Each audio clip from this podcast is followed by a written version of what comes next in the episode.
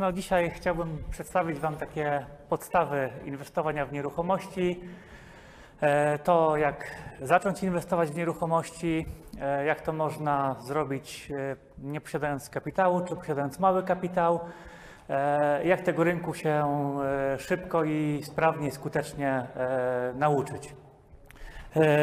No więc tak, ja inwestuję na rynku poznańskim, bo z Poznania pochodzę, więc oczywiście najwygodniej mi jest e, inwestować na rynku, który najlepiej znam. I to, czym e, obecnie się zajmuję, e, to flipy. No i flipy robię już w zasadzie od no, równo, równo 10 lat, więc bardzo długo. Zaczynałem od pośrednictwa, wcześniej byłem pośrednikiem w orcie nieruchomościami. E, No i wiadomo, działając na rynku dość szybko zacząłem e, jakby zauważać różne okazje e, do, do lepszego zarobku. No i stąd właśnie wziął się pomysł na flipy i robiłem tych flipów od kilku do kilkunastu nawet rocznie. Drugim takim działem, którym się zajmuję, to jest wynajem, a ściślej bardziej tworzeniem jakby własnego portfela nieruchomości e, na wynajem. I o tym też może powiem szerzej e, troszeczkę później. E, Może na początek tylko tyle, że w swoim portfelu mam głównie mikrokawalerki. Jest ich łącznie już 44, e, ale także jakieś dwa większe mieszkania, nawet jeden garaż, taka mniejsza, mniejsza nieruchomość, więc ten portfel jest już dosyć spory. E, Kolejnym działem to są gotowce inwestycyjne, e, czyli coś e, dla takich inwestorów, którzy nie mają czasu sami zajmować się nieruchomościami. To jest dobre dla osób, które na przykład prowadzą jakieś inne biznesy i nadwyżki chcą lokować w nieruchomości. No i z racji jakby prowadzenia własnych biznesów nie mają czasu, żeby tym rynkiem nieruchomości się zajmować, a jednocześnie też jakby nie mają wiedzy, co, gdzie, jak się wynajmuje, e, czy, czy jak takie inwestycje samemu sobie stworzyć. E, No gotowce inwestycyjne, w skrócie mówiąc, polegają na tym, e, że taki inwestor dostaje już gotowy, taki skrojony na miarę produkt. Mogą być takie, nie wiem, małe mieszkania, mogą być to jakieś większe mieszkania podzielone na małe pokoje, ale dostaje taki produkt, e, no, o którym będzie wiedział, że on e, na pewno się będzie dobrze wynajmował, e, mniej więcej będzie znał e, przychód, e, który ten, e, która ta nieruchomość będzie generowała, e, a także e, koszty. Więc dokładnie może sobie przewidzieć e, swoje miesięczne e, dochody i jakby nie musi się niczym przejmować. Dostaje gotowy produkt e, do, do zarządzania czy do wynajmu e, i, i może czerpać dodatkowe zyski. No i ostatnim takim działem to jest doradztwo, albo doradztwo inwestycyjne, albo jakieś konsultacje. To też, też się tym zajmuję i też dużo osób się zgłasza właśnie, żeby, żeby gdzieś tam troszeczkę się e, doradzić, jak te e, nieruchomości inwestować, czy jakieś bardziej zawiłe czy zaawansowane też e, metody kupowania nieruchomości, czy, czy jakby tam rozwiązywania różnego rodzaju problemów. Na początek chciałbym powiedzieć o takich barierach, które mają osoby najczęściej planujące jakby inwestowanie w nieruchomości. E, No i nam chciałbym w zasadzie Was zapytać, e, dla osób, które myślą o inwestowaniu w nieruchomości, jeszcze tego nie zrobiły, e, co Was właśnie powstrzymuje przed tym inwestowaniem w nieruchomości? Dlaczego, dlaczego nie zaczynacie? Czy ktoś by chciał jakieś... O, proszę.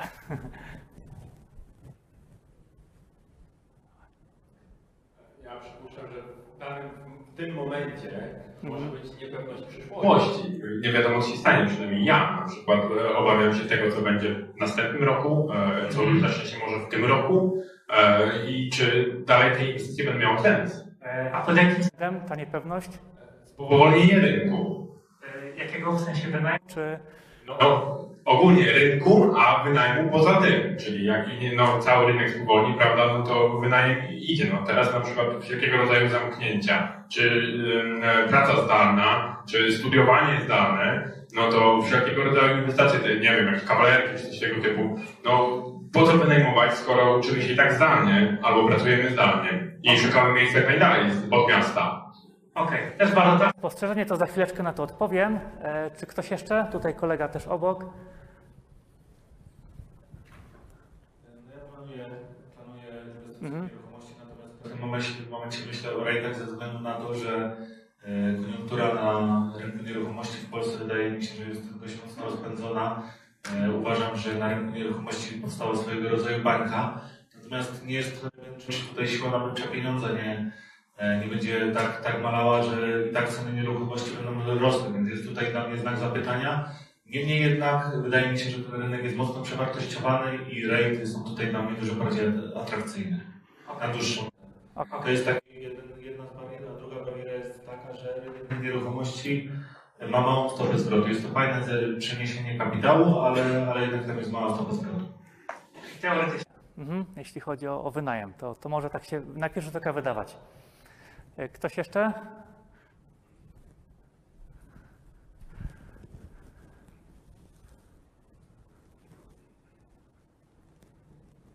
Wydaje mi się, że jak najbardziej przedziwnym problemem będzie brak kapitału na początek, trzeba w ogóle zacząć. Czy ktoś jeszcze by chciał swoje uwagi? Czy tutaj jeszcze kolega z przodu?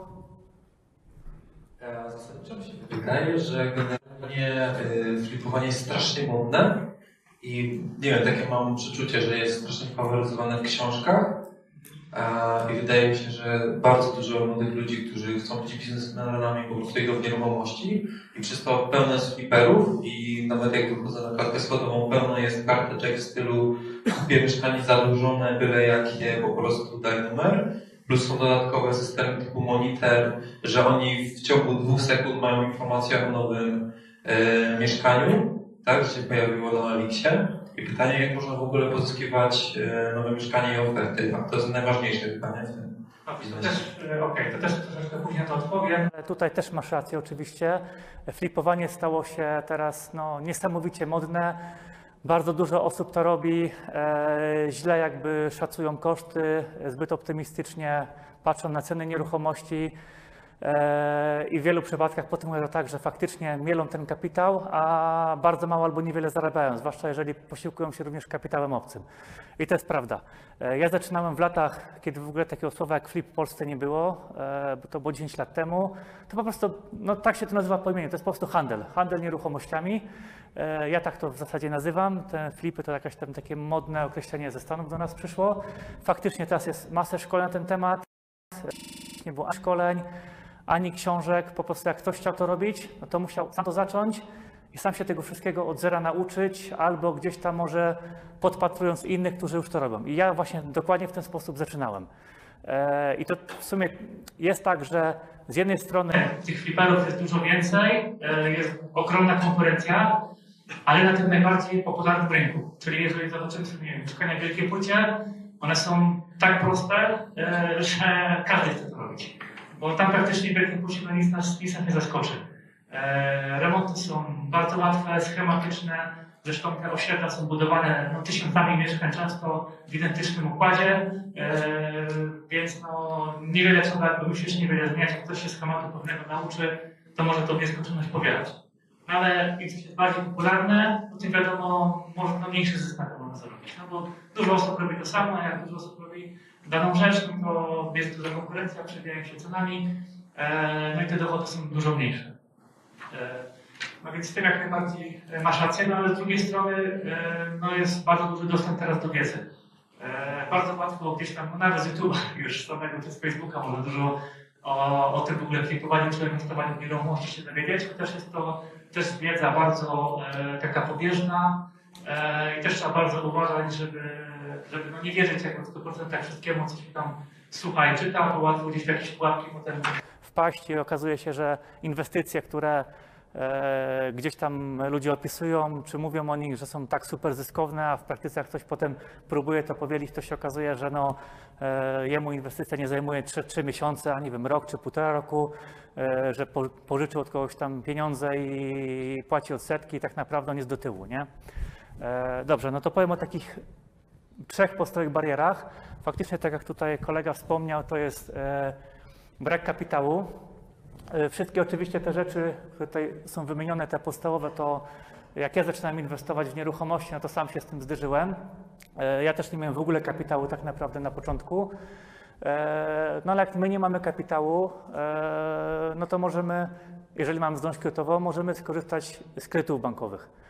E, No tylko tu jest taki minus, że właśnie tą zdolność musimy mieć. Jak ktoś dopiero rozpoczyna pracę, rozpoczyna działać, to niekoniecznie tą zdolność kredytową ma. Jeżeli ma, no to może się udać do banku, dostać kredyt e, i ten kapitał je- jest wtedy względnie powiedzmy tani, no chyba, że są wysokie prowizje za powiedzmy udzielenie kredytu. E, No innym sposobem na brak kapitału bardzo dobrym jest szukanie sobie współinwestorów i ja też tak robiłem e, pierwsze flipy. E, No przykład chociażby pierwszego flipa, e, gdzie znalazłem takie mieszkanie, które łącznie z kosztami terenowymi mm, kosztowało 240 tysięcy. No wiadomo, ja, ja takiego kapitału jeszcze nie miałem, jak zaczynałem, więc znalazłem sobie dwie dodatkowe osoby, więc 240 tysięcy już potrzebowałem mieć tylko 60, które, którego no też jakby nie miałem. Ja nie miałem pełnych 60 tysięcy, więc też musiałem pożyczyć, no ale już byłoby mi łatwiej znaleźć te 60 tysięcy niż 240. Co prawda e, transakcja była zrobiona w trzy osoby, więc dochód z całości e, był dzielony na, też na trzech, ale, nim, e, ale dzięki temu rozkłada się ryzyko na większą liczbę osób. E, I, no i też dzięki temu po prostu transakcję zrobimy. Jak miałbym to robić sam, bym był że zostawiam to albo sam robię, albo w ogóle, no to ni- nie zrobiłbym nic. A tak to dzielimy się zyskiem. Nawet może być tak na początku, że skoro zaczynacie tutaj działać na rynku, możecie zrobić sami tą transakcję od początku do końca, podzielić się porówno, e, ale dzięki temu się bardzo dużo nauczycie, a ryzyko rozkłada się tak naprawdę nie tylko na Was, ale na również powiedzmy jeszcze inne osoby, które wspólnie z Wami inwestują. I na początku to, to też jest bardzo dobra droga. E, Kolejnym sposobem może być znalezienie, e, znalezienie inwestora gotówkowego, czyli jeżeli macie czas i chcecie robić flipy, troszeczkę się już na rynku znacie, możecie znaleźć osobę, która e, ma duży kapitał, Trochę takich osób też jest na rynku, chętnie udzielają pożyczek. E, One mają powiedzmy kasę, nie mają czasu, żeby e, zajmować się nieruchomościami, czy, czy nie wiem, pilnować remontu, pilnować sprzedaży. Udzielają kapitał i często to jest podział zysku no, w różnych proporcjach. 50 na 50 albo 40 dla inwestora, który daje gotówkę, 60 dla tego, który ten temat cały przerabia e, i dzięki temu możecie też sobie zbierać ten swój kapitał.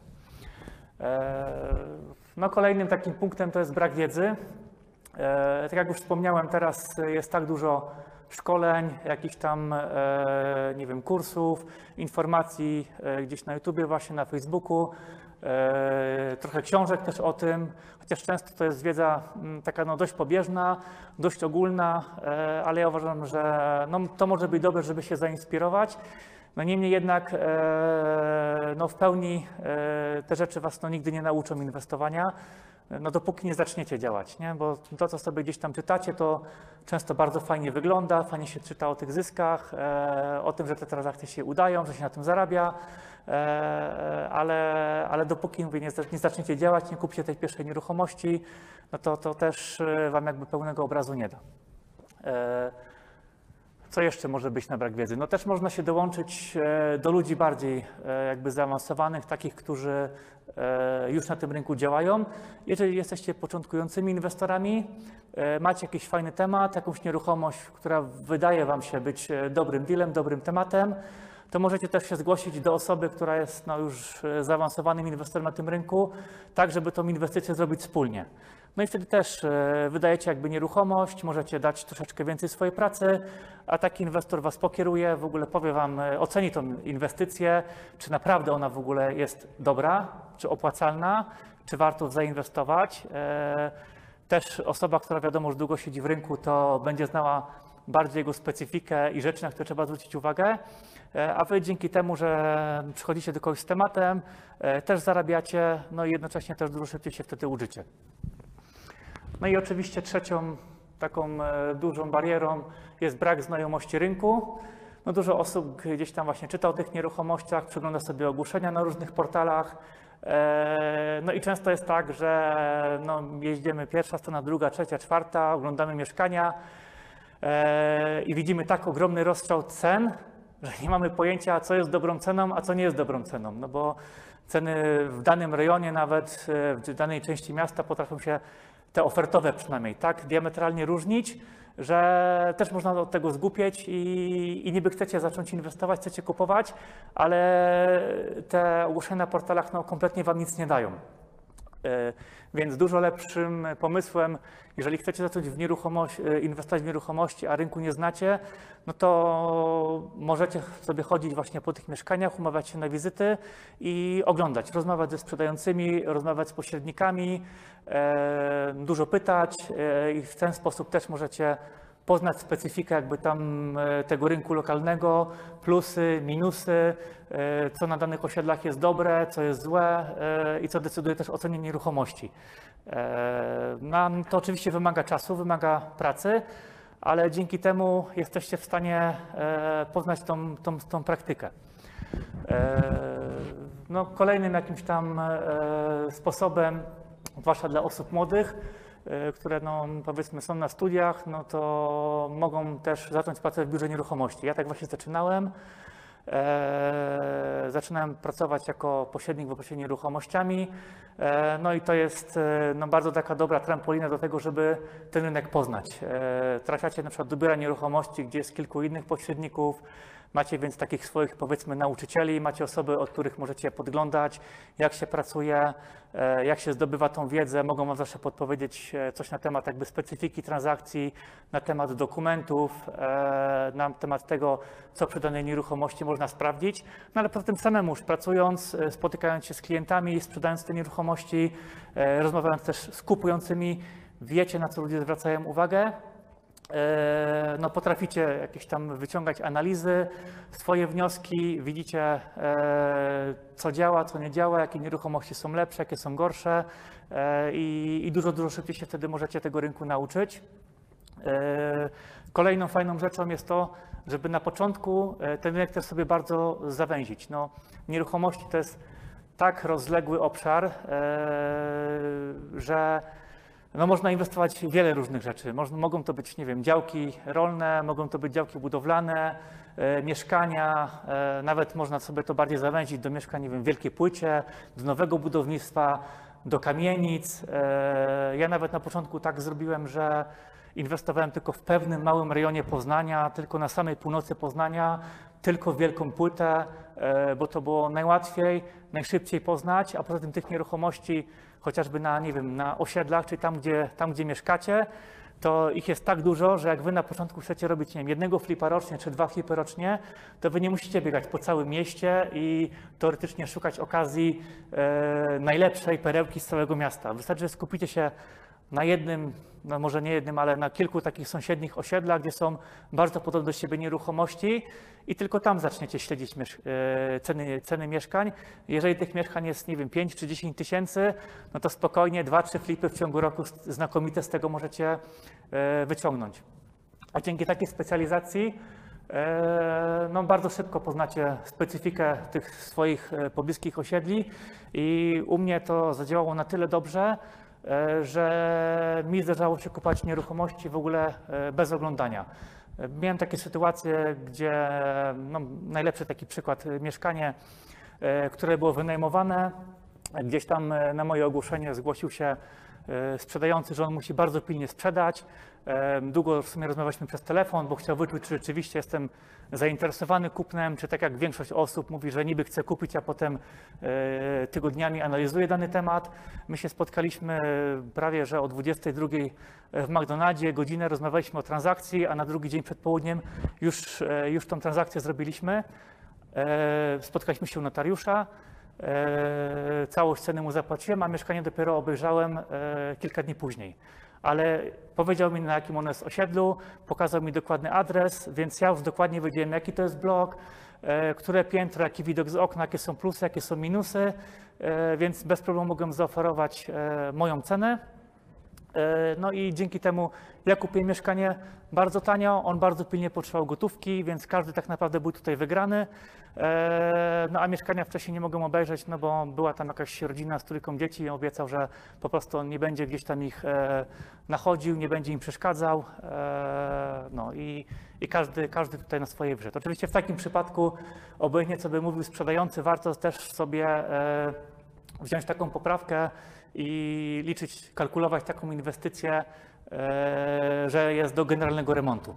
Nie, bo czasami taka wizja sprzedających co do własnej nieruchomości bywa bardzo myląca i potrafią opowiadać o jakimś zwykłym, e, nie wiem, byle jakim mieszkaniu, tak jakby to było najlepsze mieszkanie na całym świecie, najlepsze osiedle na całym świecie. Dużo osób starszych właśnie, gdzie mieszka po 20-30 lat w tych blokach z wielkie płyty, to ma takie wyobrażenie, e, a wy wchodzicie no i uważacie, że, że to jest mieszkanie, no, gdzie tylko wrzucić granat, wszystko, wszystko wywalić i, i trzeba zrobić generalny remont. A, a z kolei te osoby uważają, że to jest super mieszkanie, wyremontowane, no bo nie wiem, 10 lat temu e, pan pomalował korytarz na przykład, nie? I on mówi, że to jest mieszkanie po remoncie, no bo e, tak też się zdarza.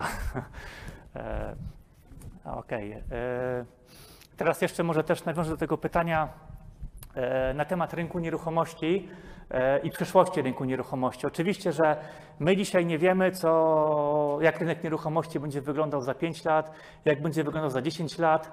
E, I to sprawia, że te ceny mogą się wahać, mogą trochę wzrosnąć, mogą spaść, e, ceny wynajmu również. E, Niemniej jednak e, w Polsce e, mieszkań jeszcze ciągle brakuje. E, Jest bardzo duży deficyt mieszkań. Widać to, co się dzieje też na rynku deweloperskim, e, jak dużo jest inwestycji, e, jak dużo deweloperzy budują i wszystko się znakomicie sprzedaje. Nawet teraz, kiedy, kiedy mamy ten kryzys. Znaczy, paradoksalnie, według mnie, kryzys, który teraz się wydarzył, sprawia, że ludzie wręcz chętnie te nieruchomości kupują.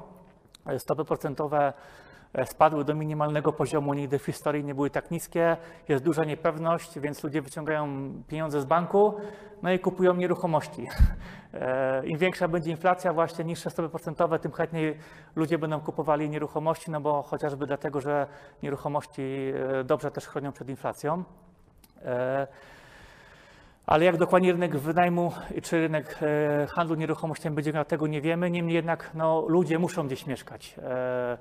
Więc to nie jest tak, że jak teraz nie ma studentów, e, to nagle rynek studentów e, stoi i mieszkania są całkowicie puste. Owszem, może być tak, że te ceny spadną 5 czy 20% nawet.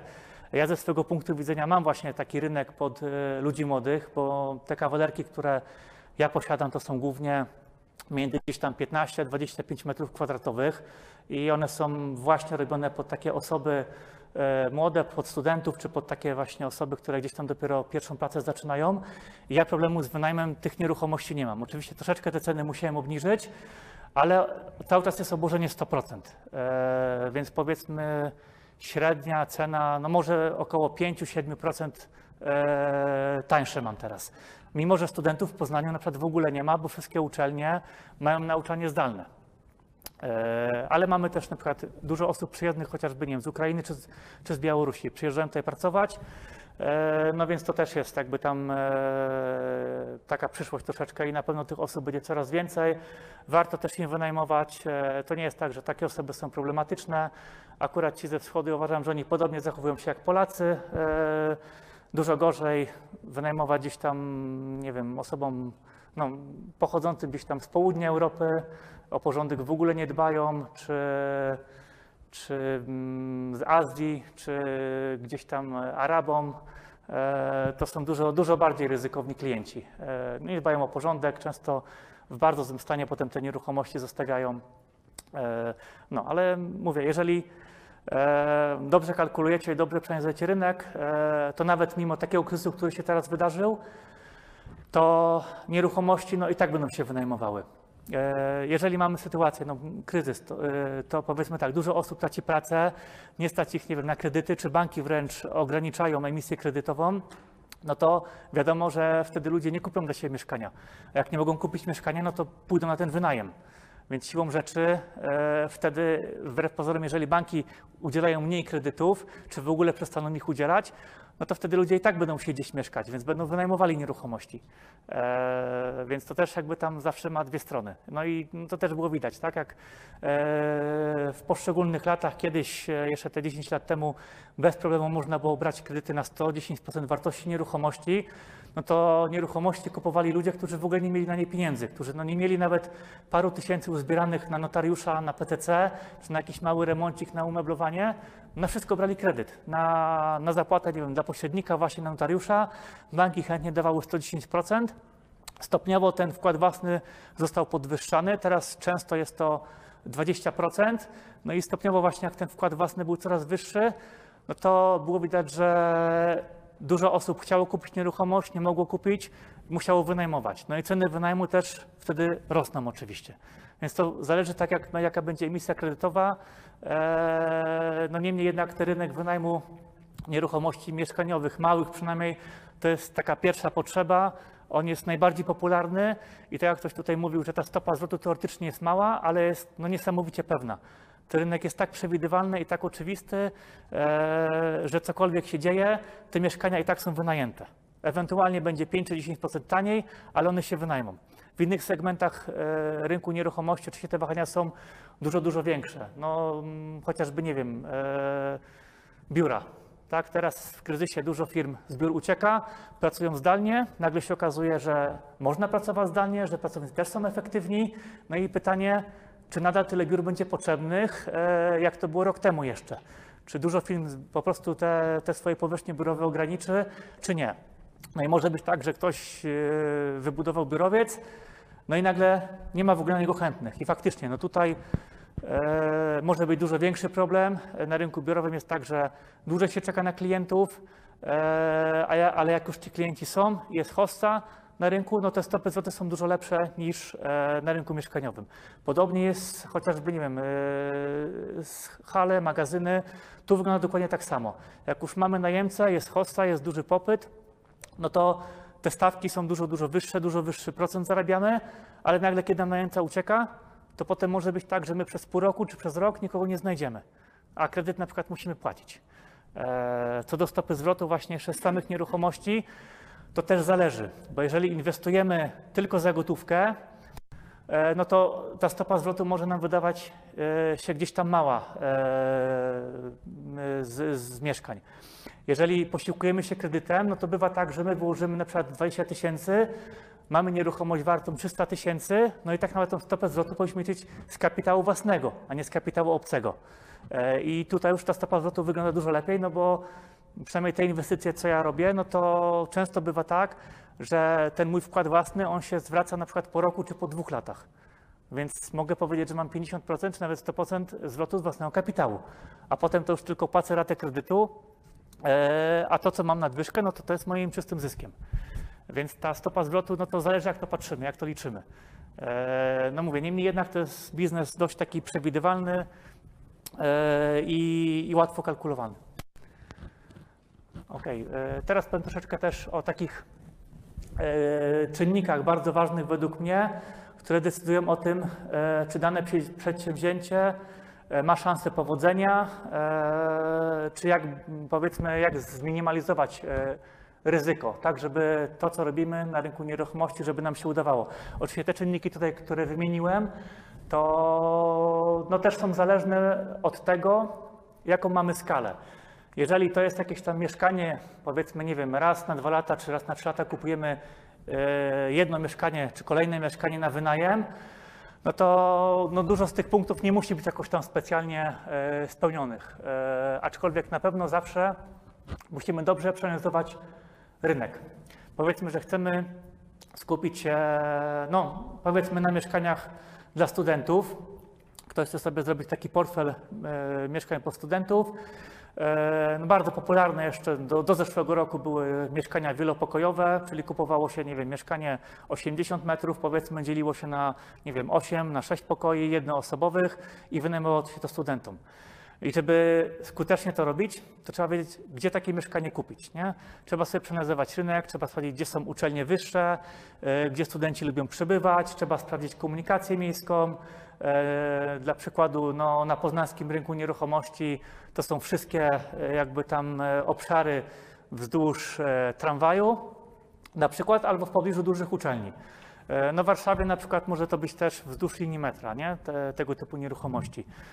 No studenci często nie mają swoich samochodów, albo chcą mieszkać blisko uczelni, albo chcą mieszkać w znakomicie skomunikowanym miejscu. Czyli gdzieś może bliżej centrum, ale tak jednocześnie, żeby był znakomity dojazd właśnie czy to metrem, powiedzmy, czy tramwajem. E, No, więc ta analiza jest bardzo, bardzo, bardzo potrzebna. E, Im większą transakcję chcemy zrobić, e, tym ta analiza powinna być bardziej szczegółowa, bardziej dogłębna, bardziej skalkulowana. No tak, żeby jak najmniej nas potem zaskoczyło, albo no po to, żeby po prostu te ryzyko nasze niepowodzenia zminimalizować. Drugim no niezwykle istotnym elementem, e, zwłaszcza przy większej skali, jest zespół specjalistów. Więc tak jak mówiłem, jeżeli raz kiedyś tam jakieś mieszkanie robicie na wynajem, no to nie potrzebujecie dużego zespołu. Wystarczy Wam gdzieś tam e, e, notariusz, powiedzmy, zaprzyjaźniony, który pomoże Wam z dokumentami, który przygotuje Wam odpowiednią umowę, no i, to, to w zasadzie może wystarczyć. Kiedy ta skala już jest duża, tak jak na przykład e, no w moim przypadku, gdzie już zaczynam kupować całe kamienice, czy, czy, czy robię e, dość masowo te inwestycje, no to poza notariuszem e, na przykład e, potrzebny, potrzebne są no, sprawne ekipy remontowe. I dobrze mieć też ekipy remontowe e, stałe, które nas już dobrze znają, my dobrze znamy te ekipy, wiemy czego się spodziewać, jakie są plusy, minusy e, i, i też tych ludzi dobrze traktować, bo no nigdy nie jest tak, że wszystko idzie jak po sznurku, ale na pewne, na pewne rzeczy czasami trzeba przymknąć oko. Niemniej jednak, kiedy ma się takie dobre, powiedzmy, chociaż osoby, to, to warto, warto wtedy też e, przy nich zostać, tak? E, No i wiadomo, do tego też są potrzebni jacyś projektanci, e, czy to jeśli chodzi o układ mieszkań, o układ funkcjonalny, czy projektanci z zakresu na przykład instalacji elektrycznej, instalacji gazowej.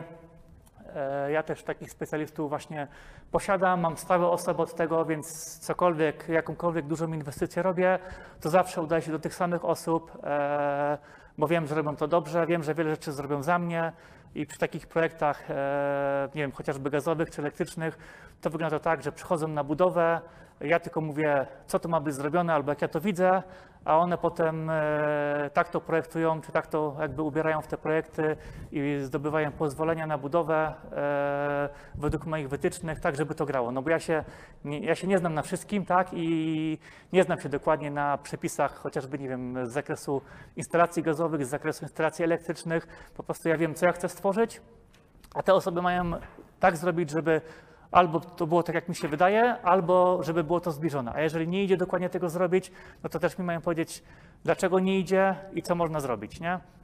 Ale wiem, że wtedy po prostu jestem odciążony, ja nie muszę w ogóle o tym myśleć, nie muszę biegać po urzędach, nie muszę gdzieś tam potem e, robić jakichś tam poprawek. E, oddaję całość jednej osobie czy jednej firmie i ona wszystko od początku do końca robi i mnie interesuje to, żeby powiedzmy to pozwolenie e, było potem na biurku albo no, czy właśnie z, związane z gazem, czy związane chociażby nie wiem, z instalacją elektryczną powiedzmy. W zespole specjalistów przy większej skali też warto mieć e, no, specjalistów z zakresu budownictwa. E, Ja też mam taką jakby osobę, coś na wzór kierownika budowy. E, Z racji tego, że robię bardzo duże przebudowy mieszkań, czy wręcz nawet no, kamienic, powiedzmy, czy części kamienic, no to potrzebna jest mi osoba, która powie mi, czy to, co mi się wydaje, czy to, co ja chcę zrobić, czy to jest możliwe e, od strony technicznej. E, A bardziej raczej pod tym względem, nie wiem, no w kamienicach zwłaszcza, tak, kiedy mamy stropy drewniane, e, a ja te stropy chcę mocno obciążyć, no to musi ktoś to zbadać, przeliczyć, czy ja w ogóle mogę takie coś zrobić, tak? A jeżeli mam na przykład, no nie wiem, w przypadku podnoszenia na przykład podłogi o kilka czy kilkanaście centymetrów, jeżeli byśmy wylali tam beton, no to może być tak, że te stropy nie wytrzymają, pękną e, i jakaś może powstać z tego katastrofa.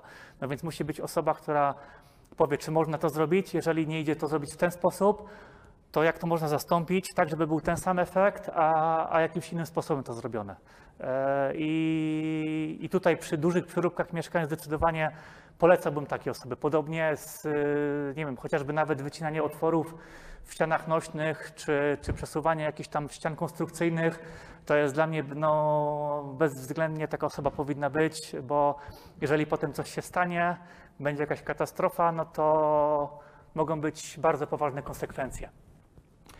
E, No, kolejnym z punktów jest też odpowiednie umowy z kontrahentami, e, zwłaszcza z ekipami remontowymi. No jak robiliście, jak ktoś z Was robił remont, to pewnie wie, jak to jest z tymi ekipami remontowymi. E, Na początku potrafią bardzo ładnie mówić, dużo obiecywać, a jeżeli już przychodzi do samej pracy, no to, to rzeczywistość się okazuje zupełnie inna. Oczywiście ja też miałem takie sytuacje, e, że gdzieś tam z ekipami musiałem się żegnać, taki może bardziej, czasami mniej nawet przyjemny e, sposób. E, No ale mm, zdarzało się, no zdarzyła się w zeszłym roku taka ekipa, która e, na spotkaniu pięknie opowiadała, tak jakby to nie wiadomo ile kamienic robili, jakie, jakie wielkie inwestycje, a w praktyce okazało się, że no niemal nic nie umieją. No, szef potrafił pięknie obiecywać, a po, po półtora miesiąca się okazało, że podstawowych rzeczy nie potrafią robić. E, Jeżeli tak jest, no to według mnie można dać jedną szansę, sprawdzić ich po paru dniach. Jeżeli nie ma poprawy, natychmiast trzeba wyrzucać. Tutaj nie ma co czekać, bo jeżeli będziemy czekali w nieskończoność, to albo się okaże, że mamy masę rzeczy źle zrobionych, a poprawki są niezwykle kosztowne, e, albo inwestycja, nie wiem, z dwóch miesięcy nam się zrobi pół roku czy dłużej. E, A wiadomo, chociażby przy wynajmie, jeżeli mamy na dane mieszkanie nie wiem, zarabiać 5 tysięcy złotych, no to te cztery dodatkowe miesiące to już nas kosztują 20 tysięcy złotych. Więc w takim przypadku często lepiej nie wybierać zupełnie najtańszych ekip, tylko takie, które rzeczywiście są dobre. Rozsądne cenowo, ale dobre, bo ten czas, e, który, no, musi, który gorsza ekipa, powiedzmy, remontowa nas przeciągnie, no to, to, to, jest jakby, no, to są wymierne pieniądze, więc to też zawsze trzeba kalkulować, nie? Bo no, często jest tak, że ktoś patrzy tylko na cenę i przyjdzie pan jakiś tam, pan Zdzisio, y, nie wiem, z synem powiedzmy, tak, i będą tam sobie dłubać pół roku czy rok jedno mieszkanie, a my możemy to samo zrobione w dwa miesiące. I dużo osób niestety robi tak, że e, patrzy, żeby tylko jak najtaniej ten remont zrobić, a nie, nie patrzy na te utracone koszty, nie? Bo te kilka miesięcy e, dłużej remont, no to to są bardzo łatwo skalkulowane pieniądze, no, których, które nam z kieszeni uciekają, więc często nie warto brać najtańszych takich malutkich ekip, no bo okazuje się, że one tak naprawdę potem wychodzą dużo drożej. No i częściej też mają e, dużo mniejsze pojęcie e, o samej pracy. No więc jest dużo większe ryzyko, że ten remont będzie wykonany źle. E, No więc umowy są bardzo, bardzo istotne, e, bo ja też mogę ze swojego doświadczenia powiedzieć. Miałem nawet takie sytuacje, gdzie długo z jakimiś ekipami współpracowałem. E, No przykład jednej ekipy, gdzie po trzech lat, latach pracy no, doszło do tego, że no, przestałem jakby podpisywać nawet już z nimi umowę, no mówię, skoro tyle czasu robią, zawsze będą to samo, no to, to będą to dalej tak robić. No i za pierwszym razem na pierwsze mieszkanie, kiedy umowy nie podpisałem, nagle się okazało, że ten remont trwa dużo dłużej. Identyczne mieszkanie, praktycznie, no oni w ciągu robili w wielkiej płycie, no są te same mieszkania, no to w tym samym schemacie. I nagle zauważyłem, że no taki remont oni robią dłużej. E, No to mówię, no to jak nie wyrabiacie, no to przyjedźcie w sobotę, róbcie całą sobotę, albo zostańcie, nie wiem, do 20 w tygodniu, chociaż 3 dni w tygodniu, tak, no to nadgonicie ten, tą, tą pracę. On, nie, no my w sobotę nie pracujemy, tak. No i nagle zauważyłem, czemu oni nie pracują, jak wcześniej to robili. Właśnie dlatego, że nie ma tego deadline'u, nie ma umowy, nie ma kary w, w umowie, tak, że tylko słownie, proszę, tutaj są klucze, to, to samo wynagrodzenie co zawsze i robicie. Znaczy, no po prostu y, to jest taka pułapka trochę, że ja muszę usiąść, muszę tą umowę przygotować, tak? No i po prostu tego nie zrobiłem. No skoro ktoś dla mnie już pracował 3 lata, no to stwierdziłem, że okej, no to skoro tak robią, no to następnym razem zrobię dokładnie tak samo. No i nagle się okazało, że jednak no nie chce im się w sobotę przyjechać, że nie chce im się zostawać do 20 w pracy. No i, i ten remont się zaczął wydłużać, nie? Więc no mimo nawet, że jest ta ekipa stała, mimo wszystko warto tą umowę mieć. No bo jak jest kara umowna, jest jakiś deadline, ja nawet w umowach mam tak, że w zależności jaka to jest ekipa remontowa, e, powiedzmy, no nie wiem, jest duży remont, który ma tam zająć 4 miesiące, są poszczególne etapy, które ekipa musi w, zrobić, żeby e, dostać e, za dany etap wynagrodzenie, no i powiedzmy, dajmy na to, że nie wiem, jest to przykładowo 100 tysięcy jest za cały remont, po 10% mają dostać te 10 tysięcy. To jest tak, że te 20 lub 30% ja zachowuję dopiero na sam koniec remontu. Czyli ekipa robi 10% e, prac, e, ale wynagrodzenia nie dos- nie dostaje adekwatnego jakby w pełni, tylko albo 70%, albo 80%. I te 20%, które jest zatrzymywane na koniec, to jest znakomitym motywatorem do tego, żeby ten remont robić szybko, sprawnie i żeby go dokończyć no, w terminie, czy powiedzmy w jakimś tam rozsądnym, e, z rozsądnym przekroczeniem terminu. Bo to też nie jest tak, że od razu, kiedy termin się kończy, kiedy jest deadline, no to ja przychodzę i mówię, tu są takie kary, płacicie kary, koniec, do widzenia.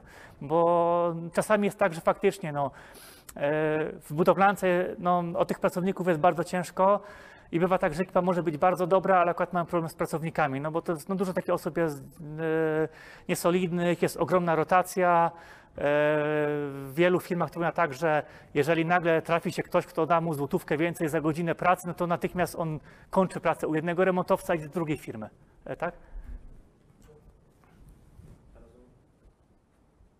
Rozumiem, że te kary e, jakby potrącasz z tego wynagrodzenia, którego im jeszcze nie dałeś, tak? Tak, Czyli oni ci nie muszą płacić, po prostu ty im mówisz, że im mniej zapłacisz za tą robotę. Dokładnie, tak, tak, tak. Bardzo mądrze. No to, jest, to jest znakomity właśnie sposób do tego, żeby ta ekipa siedziała i żeby robiła. I nawet kiedy już ma opóźnienia, żeby ten remont i tak został dokończony. Oczywiście to potem, jaką karę za opóźnienie naliczymy, to też tylko zależy od nas, ale jeżeli to jest dobra ekipa i mimo wszystko spóźni się, nie wiem, miało robić trzy miesiące, a zrobi dwa tygodnie dłużej, ale ten, e- ten remont jest zrobiony bardzo dobrze, to nie zawsze warto e, te kary naliczać, czy, czy, czy jakoś tam bardzo ostro z tymi remontowcami działać. Bo to, że są jakieś opóźnienia, to jest, to jest dość normalne, to się zdarza bardzo często, ale można, jeżeli ekipa jest dobra i chcemy z nią dłużej współpracować, można to odpuścić albo jakąś tam symboliczną karę po prostu tylko naliczyć. Nie tak, żeby poczuli, że faktycznie następnym razem trzeba sobie to lepiej skalkulować, e, troszkę bardziej tych pracowników przypilnować i, i bardziej się sprężyć. E, No przy wynajmie bardzo istotne są umowy z najemcami. E, Tak jak w moim przypadku przy większej skali, e, no trzeba mieć ten najem troszeczkę lepiej zorganizowany. E, Dla mnie e, takim naj... Tak. pytanie odnośnie tego wcześniejszego, czyli tych umów e, z pracownikami, prawda? Jak bardzo one są wiążące po kwestii prawnej? Czyli jak na przykład e, e, przedłuża się budowa o 2-3 tygodnie i, i e, no, stwierdzamy, że ucinamy ileś tam, x pieniędzy, następna część budowy znowu się przedłuża i ucinamy x, x pieniędzy i na przykład budowlańcy w pewnym momencie stwierdzają, to my już nie pracujemy. I zaczynają się, nie wiem, o to sądzić, czy coś tego typu bo czują się, nie wiem, okradzeni w związku z tym. Jak bardzo te umowy między e, panem a budowlańcami właśnie są wiążące w kwestii prawnej, czyli czy oni będą mogli e, coś później z tym zrobić. Na przykład tak, takim sposobem, znaczy tak, 1% e, wartości inwestycji za dzień opóźnienia to jest, taki, to jest taka ro- rozsądna kwota, e, więc tutaj nam sąd nie zakwestionuje, że to jest za dużo. Jeżeli byśmy wpisali tam, nie wiem, e, wy macie remont zrobić powiedzmy do końca stycznia, nie zrobicie do końca stycznia, no to minus 20% za samo to, że się nie zmieścicie w deadline. No to oczywiście nie przejdzie. Ale można zrobić inaczej. Można zrobić tak, że dogadujemy się z ekipą, przychodzi ekipa, nie wiem, wycenia nam na 50 tysięcy, mówimy, ok, dobra, ja nie będę negocjował, niech będzie to 50 tysięcy, ale robimy tak, że podstawowe wynagrodzenie to jest te 40 tysięcy, czyli e, nie wiem, czy dobrze, czy dobrze, się, dobrze to opowiem, ale powiedzmy tak, deadline ma być do końca stycznia, tak? Ja robię tak, że 40 tysięcy to jest taka podstawowa kwota za wynagrodzenie, a jeżeli wy zrobicie do końca stycznia, tak jak mi obiecacie, to dodatkowo macie te 10 tysięcy złotych. I to już jest poprawnie. I tutaj wtedy nie ma problemu, tak? Bo to nie jest kara, a tak naprawdę jest premia, nie? Te 10 tysięcy. No i to jak najbardziej, jak najbardziej przechodzi, nie? Tak samo to, że nigdzie nie ma w przepisach, że ja muszę im płacić tyle, ile ak- aktualnie zrobili, nie? Czyli jeżeli zrobili 10%, no to ja muszę te 10% natychmiast im dać. Tego nie ma. To jak ten podział zysków, e, podział, e, to jak, ta, jak te pieniądze, jak te wynagrodzenie będzie e, jakby płacone zgodnie z harmonogramem, no to też jest kwestia umowna. Ale dlaczego to robię? Bo jest tak, jeżeli właśnie, tak jak mówisz, ekipa by nam nagle uciekła, no to jest tak, że jak przychodzi inna ekipa, no to co oni mówią na dzień dobry? Panie, kto tu panu tak, no, no dokładnie, kto, kto tu tak panu to spierdolił, nie? No i ta stawka nie będzie wyglądała tak, że jeżeli mamy pół remontu, to było tak, było 50 tysięcy i te pół remontu to jest niby 25, to ta nowa ekipa nie policzy 25, a policzy 35. No, bo oni muszą pewne rzeczy ponaprawiać, pewne rzeczy robią inaczej i, i potem to zawsze jest dużo droższe. I finansowo, i też czasowo, no bo w dzisiejszych czasach, teraz jeszcze przynajmniej to, co jest na rynku nieruchomości, to też nie ma tak, że dzisiaj nam ekipa ucieka, dajemy ogłoszenie i jutro mamy nową. No tak to nie wygląda. Nowa może przyjść za miesiąc, a może przyjść za dwa miesiące. To nie jest tak, że będzie od ręki, nie? No i poza tym, że my tracimy finansowo, bo musimy no- nowemu zapłacić więcej, no to mamy utracone korzyści, no bo dana inwestycja będzie skończona dwa miesiące później, a dwa miesiące później to znaczy, że ja dwa miesiące później wynajmę mieszkanie i, i za dwa miesiące wynajmu mam mniej pieniędzy. No to jest, no jest bardzo łatwo to skalkulować. No więc te umowy lepiej, jak mają e, dość, dość mocne obostrzenia, e, dość rygorystyczne są, E, bo też zabezpieczają nas jeszcze przez jedną ważną rzeczą, że unikamy oszustów. Jeżeli jest ekipa, która że się, nie wiem, na ekipy nie zna, przyjdzie tak jak, nie wiem, no, gdzieś tam w prywatnych mieszkaniach, jak kogoś, jak ktoś się na remontach nie zna, to mogą przyjść za łazienkę, skasować 20 tysięcy, robić to dwa miesiące i marudzić, że ciągle im tam mało, ciągle rzeczy dodatkowe wyskakują. Jeżeli mamy jakieś takie właśnie y, restrykcyjne zapisy, no to jest straszak przed takimi ludźmi, którzy myślą, że przyjdą, wydają inwestora i pójdą sobie w długą i zarobią i potem będą innego frajera szukać, nie? E, no więc jak ktoś taki przeczyta takie obostrzenia w umowie, no to on po prostu przestraszy się i nie będzie, nie, nie podpisze, tak?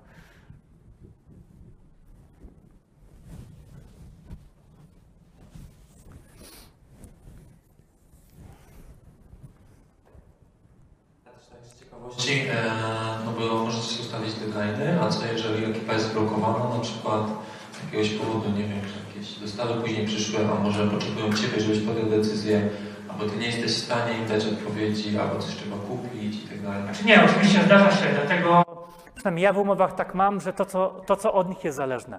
Na przykład ja mam tak, że ekipę mam remontową, która robi prawie wszystko poza instalacjami, e, poza wodą, kanalizą, gazem. Tu mam inną ekipę. Więc siłą rzeczy, jeżeli jest tak, że oni kończą swój etap i akurat ekipa instalatorów nie może wejść teraz, tylko dopiero za trzy dni czy za tydzień, no to nie może być tak, że jak oni mają ten deadline, a nie mogli przez te parę dni robić roboty na 100%, no to ja im zaraz będę liczył kary.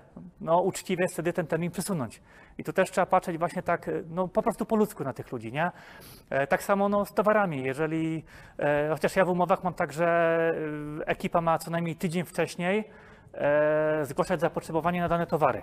Chociaż e, też już współpraca gdzieś tam z hurtowniami, z dostawcami mam, mam na tyle dobrze ustawioną, że często bywa, że nawet jak gdzieś tam późnym popołudniem mailem wyślę listę, co ja potrzebuję, na drugi dzień rano to mam. E, Niemniej jednak wolę mieć wpisane ten tydzień, bo czasami tego towaru faktycznie może od ręki nie być. Aczkolwiek no, ekipa remontowa najczęściej no, robi to z dnia na dzień albo powiedzą dwa dni wcześniej. No zale, zależy, no powiedzmy, no mówię, jak są drobne opóźnienia, gdzieś tam mówię, remont ma trwać, nie wiem, dajmy na to przy większej inwestycji 4 miesiące, a oni mi będą robić dwa, dwa tygodnie dłużej, no to to nie ma tragedii.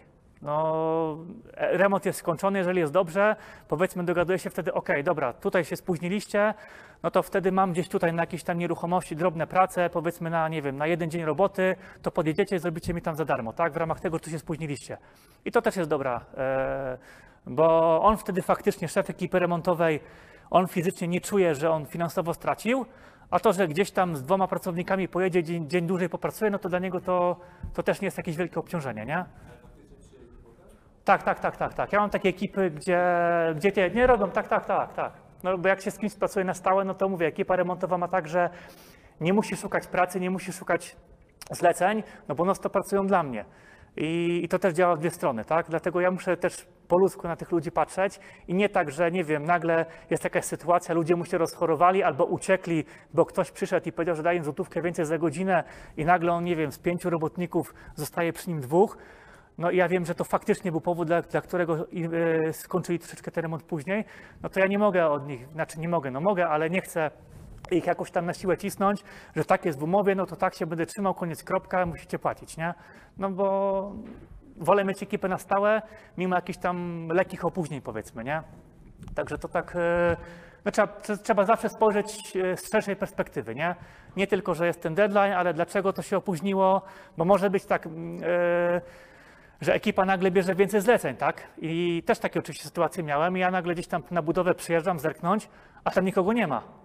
No i na drugi dzień przyjeżdżam, znowu nikogo nie ma. No i dzwonię, gdzie wy jesteście, tak? No, a, bo tu lekarz, bo tu coś tam, bo tu siamto, a się okazuje, że oni mają inną robotę i gdzie indziej jeżdżą, nie? No to to jest nie w porządku. No i w takim wypadku oczywiście no, trzeba egzekwować umowę, no i, i tyle. No, jak poczuję po kieszeni, że, że, że zawinił, albo że gdzieś tam ktoś mu dał trochę więcej za remont, więc uciekł tam, bo, bo, bo, bo myślał, że pójdzie sobie na tydzień, dużo więcej zarobi, no to niestety, no tutaj, tutaj po kieszeni dostanie, nie? Ale właśnie te zapisy, o których wspomniałem, to właśnie przed tym zabezpieczają. Bo jeżeli my się dogadamy z ekipą, że ok, macie tutaj za remoncik 50 tysięcy, jak zrobicie, ale nie ma deadline'u, nie ma kar, e, nie ma tego jakby tam zatrzymywania części wynagrodzenia na etapy, no to, to tak się zdarza, że po prostu ekipa nagle dostaje super zlecenie, gdzieś tam jakiejś prywatnej osoby, mała łazieneczka, za którą skasują trzy razy tyle, co, co normalnie, co u mnie za łazienkę, no to oni po prostu tam na tydzień pójdą i nie będzie ich u mnie na budowie, nie? I po tygodniu przyjdą, będą pięknie obiecywać, no to zrobimy, zrobimy, zrobimy, tak? No, więc takie zapisy to powodują, że nie uciekają mi e, e, ekipy remontowe z budowy. Dobra, wróćmy do tych najemców. E, Więc tak, dla mnie przy, przy wynajmie najważniejszy jest taki czynnik, który ja nazywam świętym spokojem, czyli to, żeby najemcy po prostu nie zawracali mi głowy, to, żebym ja nie musiał kontrolować ani mieszkań, ani płatności. Dlatego mega ważne są bardzo dobre umowy z najemcami, e, no i bardzo dobra weryfikacja najemców. E, Ja też e, no mam tak, że niektóre osoby od razu odrzucam. Też jeśli chodzi, tak trochę tu wspomniałem o obcokrajowców, e, niektórych totalnie w ogóle, czy z określonych krajów na przykład w ogóle nie wynajmuję, w ogóle z nimi nie rozmawiam. E, No, no nie przejmuję się, to czasami gdzieś tam bywa, że powyzywają, że no jak to, przecież ma pan dostępne, a nie chce pan wynająć. No nie wynajmuję, bo nie muszę, tak? E, Wynajmuję tym osobom, którym chcę wynająć. Więc nie warto jest wynajmować po prostu pierwszej, lepszej osobie, która przyjdzie. E, Jeżeli zapala nam się nawet żółta lampka, że mamy jakieś poczucia, że no fajnie się z nim rozmawiało, ale może coś być nie tak, bo nie wiem, bo coś tam, coś tam zauważyłem, tak, no to, to lepiej po prostu w ogóle nie wynajmować. E, Ja też mówię, wiele lat temu, kiedy ten wynajem zaczynałem, to łapałem się takie sytuacje, kiedy jeszcze sam wtedy jeździłem, pokazałem te mieszkania, a po prostu nie chciało mi się przez pół Poznania jechać, żeby komuś nowemu pokazać, dobra, jest ten klient, bierzemy, podpisujemy umowę, niech sobie mieszka. No i, i potem miałem 10 razy więcej pracy, czy 20, bo, albo w ogóle miałem pracę przez tego lokatora, no bo nie wiem, bo spóźniał się z płatnościami. Potem nie odbierał telefonów, e, nie odpisywał na SMS, nie odpisywał na maile. Płatności nie było, więc trzeba było jeździć, szukać go, tak? Gdzieś się zamykał w pokoju, nie chciał otworzyć. No, to, to, to jest tak upierdliwa praca, przynajmniej dla mnie, i taka strata czasu, że postanowiłem w pewnym momencie, że muszę, muszę kategorycznie takie coś wyeliminować ze swojego wynajmu, że nie mogę tego mieć, zwłaszcza przy skali, gdzie obecnie mamy tych umów najmu przy moich nieruchomościach no, około 50 chyba równe, 49, 49 umów najmu. Eee, no więc e, nie wyobrażam sobie, żebym miał takie sytuacje, żebym co miesiąc musiał się e, gdzieś tam troszeczkę powiedzmy użerać z tymi najemcami.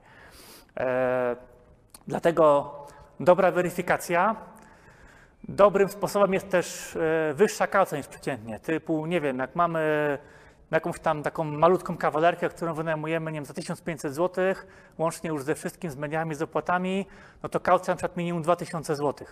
Jeżeli jest tak, że ktoś dzwoni i zapyta, a można na raty, to dziękuję, do widzenia, nie ma, nie ma w ogóle rozmowy już z taką osobą, od razu. Bo to już sygnalizuje, że może potencjalnie nie mieć pieniędzy. Czasami powie, a ja tak tylko pytałem, no to trudno, po prostu wolę takiej osoby w ogóle nie mieć na mieszkaniu, wolę, żeby to mieszkanie nawet, nie wiem, stało tydzień dłużej czy dwa tygodnie dłużej się wynajmowało, ale że przyszła do mnie taka osoba, która od razu, no nie pyta o tą kaucję, płaci od razu te 2000, e, bo ja nie chcę mieć problemu z płatnościami. Ja chcę tak, że jak sprawdzam konto jednego dnia, no to widzę, że wszystkie płatności są na czas, dziękuję, do widzenia. E, po godzinie mam sprawdzone, czy tam po 40 minutach powiedzmy e, wszystkich najemców, tak? E, no, także chociażby mówię, rozkładanie kau- kaucji na raty to absolutnie odradzam. Także jak tylko pada takie pytanie, no to, to nie rozmawiać, kończyć. Ja też na początku parę razy tak zrobiłem, parę razy, no ze dwa, trzy razy i w większości potem no takie problemy są, nie? Że się wydzwania, a jeszcze tydzień, a jeszcze coś tam, albo tu coś, jakiś wydatek był, albo tam coś się stało, albo nie wiem, mama nie przelała, tata nie przelał i takie, i takie jakieś głupie wymówki, nie? Aż potem w końcu ktoś z tego mieszkania ucieknie, No i, i mamy problem, bo znowu musimy wynajmować. E, No, także mm, no, czasu dużo już nie mamy, więc może nie będę szczegółowo opowiadał, ale e, ja mam w umowie parę takich istotnych zapisów, które mobilizują najemców do tego, e, że zawsze płacą, miałem płatności do trzeciego i zawsze do trzeciego e, ten czynsz e, jest. Dobrym sposobem można zrobić tak, jak chociażby operatorzy telefonii komórkowej robią przy tych abonamentach, nie wiem, dwuletnich, tak, że teoretycznie, fizycznie płacimy, nie wiem, 50 zł za abonament, ale tak naprawdę to jest już kwota zrabatowana. Identycznie można zrobić na mieszkaniu. Typu, nie wiem, e, chcemy wynająć mieszkanie za 2000 zł, ale w umowie robimy tak, że czynsz za wynajem jest, nie wiem, 2400, ale jeżeli lokator zapłaci do trzeciego, no to on ma 2000. Czyli fizycznie ma te 2000, płaci 2000, e, a mamy taki straszak, że jeżeli nie będzie w terminie, no to możemy tą, naliczyć tą wyższą kwotę i wziąć 2400. E, I powiem Wam, że taki zapis e, tak bardzo mobilizuje e, zwłaszcza osoby młode, no bo dla studenta takie, nie wiem, 200 zł czy 400 zł, w zależności jaka to jest nieruchomość. Ja na kawalerkach mam najczęściej 200 zł. To jest tak duża kwota, on będzie się pilnował, żeby ten czynsz zawsze był na czas. Oczywiście może się zdarzyć tak, że bardzo sporadycznie ktoś tam nagle ma jakieś większe wydatki i ma wynagrodzenie, nie wiem, ósmego czy dziewiątego, ale wtedy po prostu on tego, nie wiem, pierwszego, drugiego dzwoni do mnie, no i on powie, no kurczę, e, czy ja mogę zapłacić tam jednorazowo akurat, e, nie wiem, do dziewiątego, tą, tą kwotę niższą, tak, już się sam tłumaczy, no to mówię, okej, skoro płaciłeś przez pół roku idealnie, no to nie ma żadnego problemu, nie? E, Ale praktycznie płatności u mnie wyglądają tak, że tego trzeciego w zasadzie zawsze, zawsze wszyscy płacą na czas. Także praktycznie no, nie trzeba wiele robić. Jednego dnia się siada, sprawdza konto, wszystkie płatności są i masę czasu potem odpada na to, żeby, nie wiem, dzwonić, prosić, wysyłać maila, przypomnienia i tak dalej, no bo czas też bardzo dużo kosztuje i ja staram się ten czas ograniczać i przy wynajmie dla mnie najważniejsze jest to, czy wręcz idealny najemca dla mnie to jest taki, który mieszka, ja nie wiem jak on wygląda, nie mam z nim kontaktu, zapominam w ogóle kto to jest, byleby tylko no, na koncie zgadzały się środki, nie? No bo z punktu widzenia biznesu to to jest najważniejsze, nie? My robimy ten wynajem nie po to, żeby uszczęśliwiać tak naprawdę jakieś tam inne osoby, tylko po to, żeby mieć ten stały dochód, mieć pieniądze, no i, i tyle, i nie martwić się o to, nie? Nie mieć problemów po prostu. Nie wiem, czy jakieś tu pytania macie, tak? A czy masz problemy z najemcami, którzy imprezują w Twoich mieszkaniach, albo na przykład e, są nałogowymi palaczami, potem ci się wszystko śmierdzi w tych domach? To znaczy tak, ja generalnie w umowach mam zakaz palenia na mieszkaniach, ale zdarza się, że ktoś tam, e, no sporadycznie się zdarza, że po wyprowadzce czuje, że te papierosy były palone. E, No to no też mam odpowiedni jakby regulamin, który, w którym jest cennik i na przykład wtedy trzeba takie mieszkanie e, ozonować. No i koszt ozono- ozonowania w zależności od wielkości mieszkania, no to zgodnie z cennikiem jest taki i taki, wstawiam ozonator, robimy to i tyle, nie? I ozonowanie załatwia sprawę. Tutaj, tak? Tak, tak, tak, tak, tak. A z imprezami i z takimi nie Znaczy nie, od nie pamiętam kiedy, ale na, na ostatnie dwa lata na pewno nie mam ani jednej skargi, że, że ktoś gdzieś jakieś hałasy robi, improzował za głośno, to, to tego absolutnie nie było. A też może troszeczkę później powiem, e, jakie systemy można zastosować, żeby też unikać takich imprezowiczów, czy takie jakieś spędy, żeby ludzie robili. E, to przy okazji przykładu. Może tych moich wynajmów to, to powiem.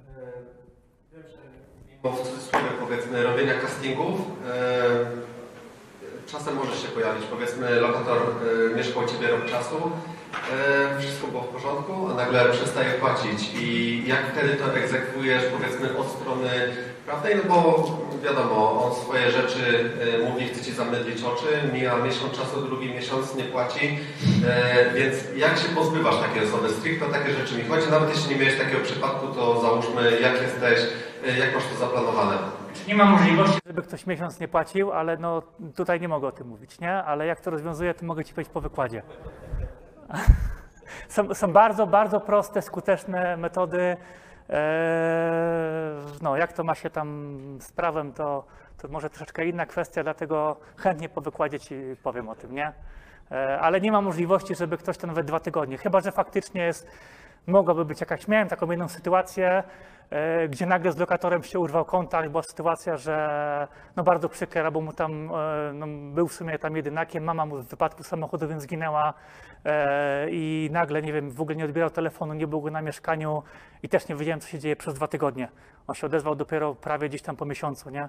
I wyjaśnił, jaka jak sytuacja, była, no to, to, ja rozumiem, nie? No i, i wtedy nie ma tak, że ja liczę, że e, umowa jeszcze miała trwać tam kilka miesięcy, po prostu okej, dobra, e, wyrównajmy sobie ten miesiąc kaucji, bo to jest taka no, sytuacja bardzo rzadka, rzadko spotykane i też trzeba troszeczkę tak po ludzku tego podejść, nie?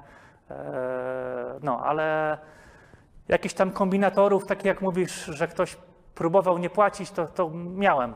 Jakieś tam takie przypadki pojedyncze miałem, no to e, po wykładzie chętnie ci, ci powiem, jak to robić. E, To znaczy mówisz, że jak lokator właśnie pali w mieszkaniu, to ozonujesz, robisz to swoim sprzętem, czy usługowo ktoś ci to robi? Znaczy nie, no przy takiej skali jak mam teraz, to zdecydowanie lepiej mieć swój ozonator.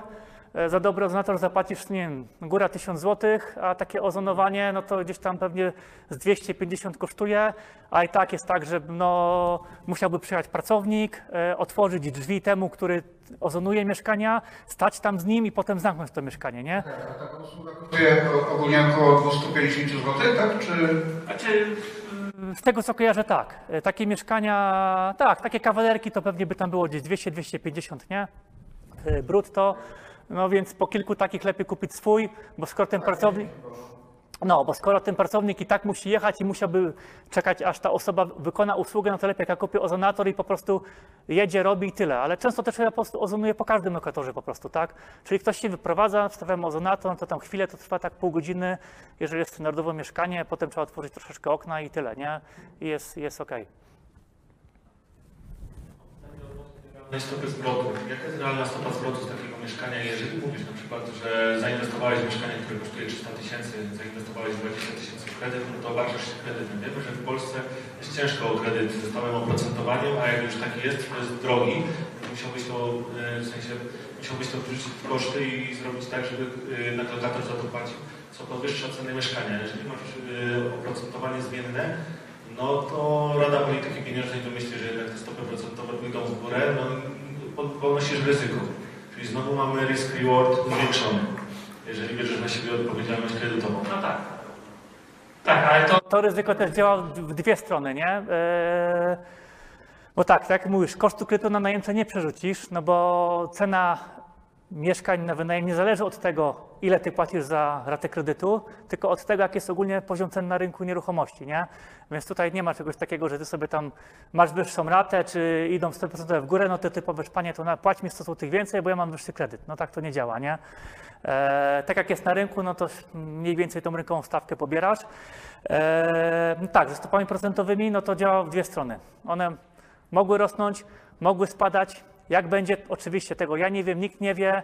E, Od dawna było prognozowane, że te stopy procentowe już niższe nie będą, a jednak spadły niemal do zera. Na chwilę obecną, no ja się z tego cieszę, tak, no bo te raty kredytu mam mniejsze, e, ale jak będzie za rok, dwa, pięć, tego nie wiem. Warto też sobie tworzyć poduszkę jakąś tam finansową, że w razie bardzo dużego e, wzrostu stóp procentowych, który no w sumie jest mało prawdopodobne, jeżeli nic bardzo nieprzewidzianego na świecie się nie stanie, e, żeby nagle po prostu pospłacać niektóre nieruchomości, nie? E, czy niektóre kryty w sensie pospłacać. E, No, aczkolwiek ja też uważam, że mieszkanie na wynajem nie kupuje się na, na całe życie ze względów podatkowych. Nie? Po pewnym czasie warto te mieszkania kupować, warto mieć na wynajem, a po pewnym czasie warto te mieszkania sprzedawać i kupować inne. Ja też tak robię, nie? To w zależności tam od, od sytuacji, powiedzmy sobie, to trzeba indywidualnie kalkulować, czy to warto po 5, po 10, po 15 latach, ale po prostu wymieniać, nie? Eee, no ze względu na podatki, ze względu na amortyzację. Eee, wynajem jest, w sumie później miałem troszeczkę o tym mówić, ale mo- mogę teraz o tym powiedzieć. Wynajem jest też y, bardzo, bardzo fajny, jeśli chodzi o, e, o optymalizację e, podatkową. E, powiedzmy, jak ktoś prowadzi działalność gospodarczą, e, zajmuje się jakimś tam biznesem, gdzie bardzo dużo zarabia, ma duże dochody, ma małe koszty, kupuje nieruchomości, to też musi być jakby określony rodzaj nieruchomości, musi być parę warunków spełnionych i wtedy możemy taką inwestycję amortyzować 10% stawką. Nie? Bierzemy sobie na przykład kredyt, e, odsetki od wrzucamy w koszty, ale też na przykład, nie wiem, cała inwestycja wychodzi nas 500 tysięcy złotych, to my rocznie możemy aż 50 tysięcy sobie odliczyć e, kosztów od takiej nieruchomości. No jeżeli, nie wiem, my nie zarabiamy tyle na tej nieruchomości, no bo stopa zwrotu teoretycznie powiedzmy jest mniejsza, no to też nam się umniejsza wtedy podatek z tej innej działalności, którą mamy, nie? którą wykonujemy w, z tej naszej firmy. E, więc przy wynajmie bywa tak, że możecie mieć dużo mieszkań e, i w ogóle nie płacić podatków. No, czyli wszystko legalnie, tak? E, przepuszczacie sobie przez konta, macie ogromne obroty, dobre, dobre dochody, faktycznie dobre dochody, a się okazuje, no, że, że ciągle bez podatku. Nie, i tak można sobie ciągnąć latami. Dlatego potem warto te nieruchomości, które sprzedawać, bo kończy nam się na przykład amortyzacja, daną nieruchomość, nie wiem, jeżeli ustalamy sobie amortyzację na poziomie 10%, po 10 latach tej amortyzacji już w ogóle nie mamy, no więc najlepiej po prostu tą nieruchomość sprzedać i kupić nawet drugą, identyczną, taką samą, nawet drożej, no znaczy nie, no, najczęściej kupimy po prostu drożej, ale po aktualnej cenie rynkowej i znowu móc ją amortyzować 10% stawką e, amortyzacji. Ja chciałem zapytać jeszcze, w jaki sposób ustalasz wysokość czynszu najmu? Czy na przykład starasz się jakoś uśrednić, powiedzmy, y, z aktualnych ofert na rynku? Bo zauważyłem, że potrafi być dość duża rozbieżność między w podobnym standardzie mieszkaniami, powiedzmy w tym samym metrażu, potrafią być bardzo różne ceny najmu. No tak, to zależy właśnie od tego, jak robisz. Ja celuję w poziom e, wyższy niż, niż jest ogólnie na rynku, czyli staram się ten rynek trochę wyprzedzić. Uważam, że on będzie szedł w, tym, w tą stronę, znaczy widzę, że od wielu, wielu lat jest taka tendencja, że ludzie chcą mieszkać coraz ładniej, coraz lepiej. Kiedyś standardem, jak jeszcze, no ja powiedzmy byłem na studiach, to normalne było to, że mieszkało się na pokoju 3-4 osobowym, gdzie było jedno biurko i cztery łóżka i nic więcej w mieszkaniu, ewentualnie szafa i to się wynajmowało i ludzie byli zadowoleni. Czy w akademikach też trzyosobowe pokoje, e, powiedzmy z łazienką i z kuchnią jedną na korytarzu dla, dla kilkunastu pokoi, to był standard. Teraz taki akademik znaleźć, no ciężko bardzo, nie? Teraz każdy chce mieć swój własny pokój, najlepiej mieć swoją własną kawalerkę jednoosobową, także ten standard z roku na rok się coraz zwiększa, jest coraz wyższy i ja też celuję yy, w tych, no po prostu robię ten standard wyższy, żeby mieć lepszych lokatorów, nie? E, sobie na przykład ofertę wrzucasz troszkę wyższą, żeby mieć możliwość zejścia z nią, czy raczej to jest ta cena, która już Cię interesuje? Nie, nie, te, te ceny, które mam w ogłoszeniu, one po prostu takie są. Oczywiście teraz dużo osób próbuje to wykorzystać, jakieś śmieszne takie ceny oferują. Ja mówię, no cena jest w ogłoszeniach, jak ktoś chce negocjować, to możemy w górę negocjować, a nie w dół, nie? No i ta rozmowa się kończy najczęściej. E, a jak stawki ustalam, no to no dużo doświadczenia po prostu, tak? No, z obserwacji rynku. Nie patrzę to, co gdzieś tam jest w internecie, wiem mniej więcej po ile ja mogę wystawić, po ile mogę wynająć i te stawki no, na pewno mam e, powyżej średniej. Bo zdarza się, że na zamieszkanie, no w sumie to jest kawalerka, tak, powiedzmy 25 metrów, e, to nawet 2000 zł, nie? E, no, co się wydaje bardzo wysoką stawką, ale ludzie za dobry standard, za, za pewien jakby tam rodzaj nieruchomości są skłonni tyle płacić i, i płacą, nie? E, dobra, idziemy dalej, bo teraz mniej czasu. No, kolejna bardzo, bardzo ważna rzecz, zwłaszcza przy większych e, inwestycjach, dobrze skalkulowany budżet i ramy czasowe. Już tutaj parę razy o tym wspominałem, że e, obsuwa, nie wiem, miesięczna, dwumiesięczna, trzymiesięczna, to, to jest realna utrata no, kasy tak naprawdę, bo jeżeli mamy flipa, a robimy go pół roku dłużej niż mieliśmy, no to, to pół roku później dostajemy kasę, pół roku później możemy nią obracać, więc łatwo to skalkulować, ile wtedy tracimy fizycznie. Przynajmniej to jest jeszcze łatwiejsze do policzenia. E, A przy dużych inwestycjach właśnie takie opóźnienia, takie złe kalkulowanie e, czasu może spowodować, że stracimy płynność finansową. E, Jest sporo takich inwestycji, gdzie no, czy deweloperskich, czy na przykład związanych z rewitalizacją kamienic, gdzie po prostu inwestorzy nie doszacowali kosztów inwestycji i nie doszacowali czasu. E, I potem się okazuje, że ktoś robi super inwestycje, e, pięknie to wszystko na papierze wygląda, nie wiem, w takiej kamienicy starej ma powstać piękna kamienica, piękne, piękne układy mieszkań, e, ale oczywiście fizycznie on to może sprzedać i wprowadzić ludzi dopiero wtedy, kiedy w 100% ją skończy, bo wtedy dosta, dopiero dostanie pozwolenie na użytkowanie. A zdarza, zdarza się, że wykona 70% inwestycji, 80%, no i nie ma pieniędzy, tak? Odsetki trzeba płacić, albo trzeba oddawać inwestorom pieniądze, albo już kończy się okres kredytowania, no i co wtedy, nie? No i dużo wtedy, dużo takich, znaczy dużo firm, no są firmy, które właśnie tutaj na tym polu e, poległy i, i sporo właśnie takich znam, czy w Poznaniu, czy, czy w innych miastach e, inwestorów, nie? Którzy tak to nie doszacowali, czy tak optymistycznie patrzą na te swoje i ramy czasowe, i budżet, e, że, e, że nie są w stanie potem tej inwestycji skończyć. Nawet przy flipach, gdzieś tam ktoś robi jednego flipa, tam nie wiem, nawet rocznie, czy, czy, czy, czy dwa, trzy, no to też wyskalkulowanie budżetu e, powoduje to, że okaże się, że możemy się bardzo dużo napracować, a możemy nie zarobić.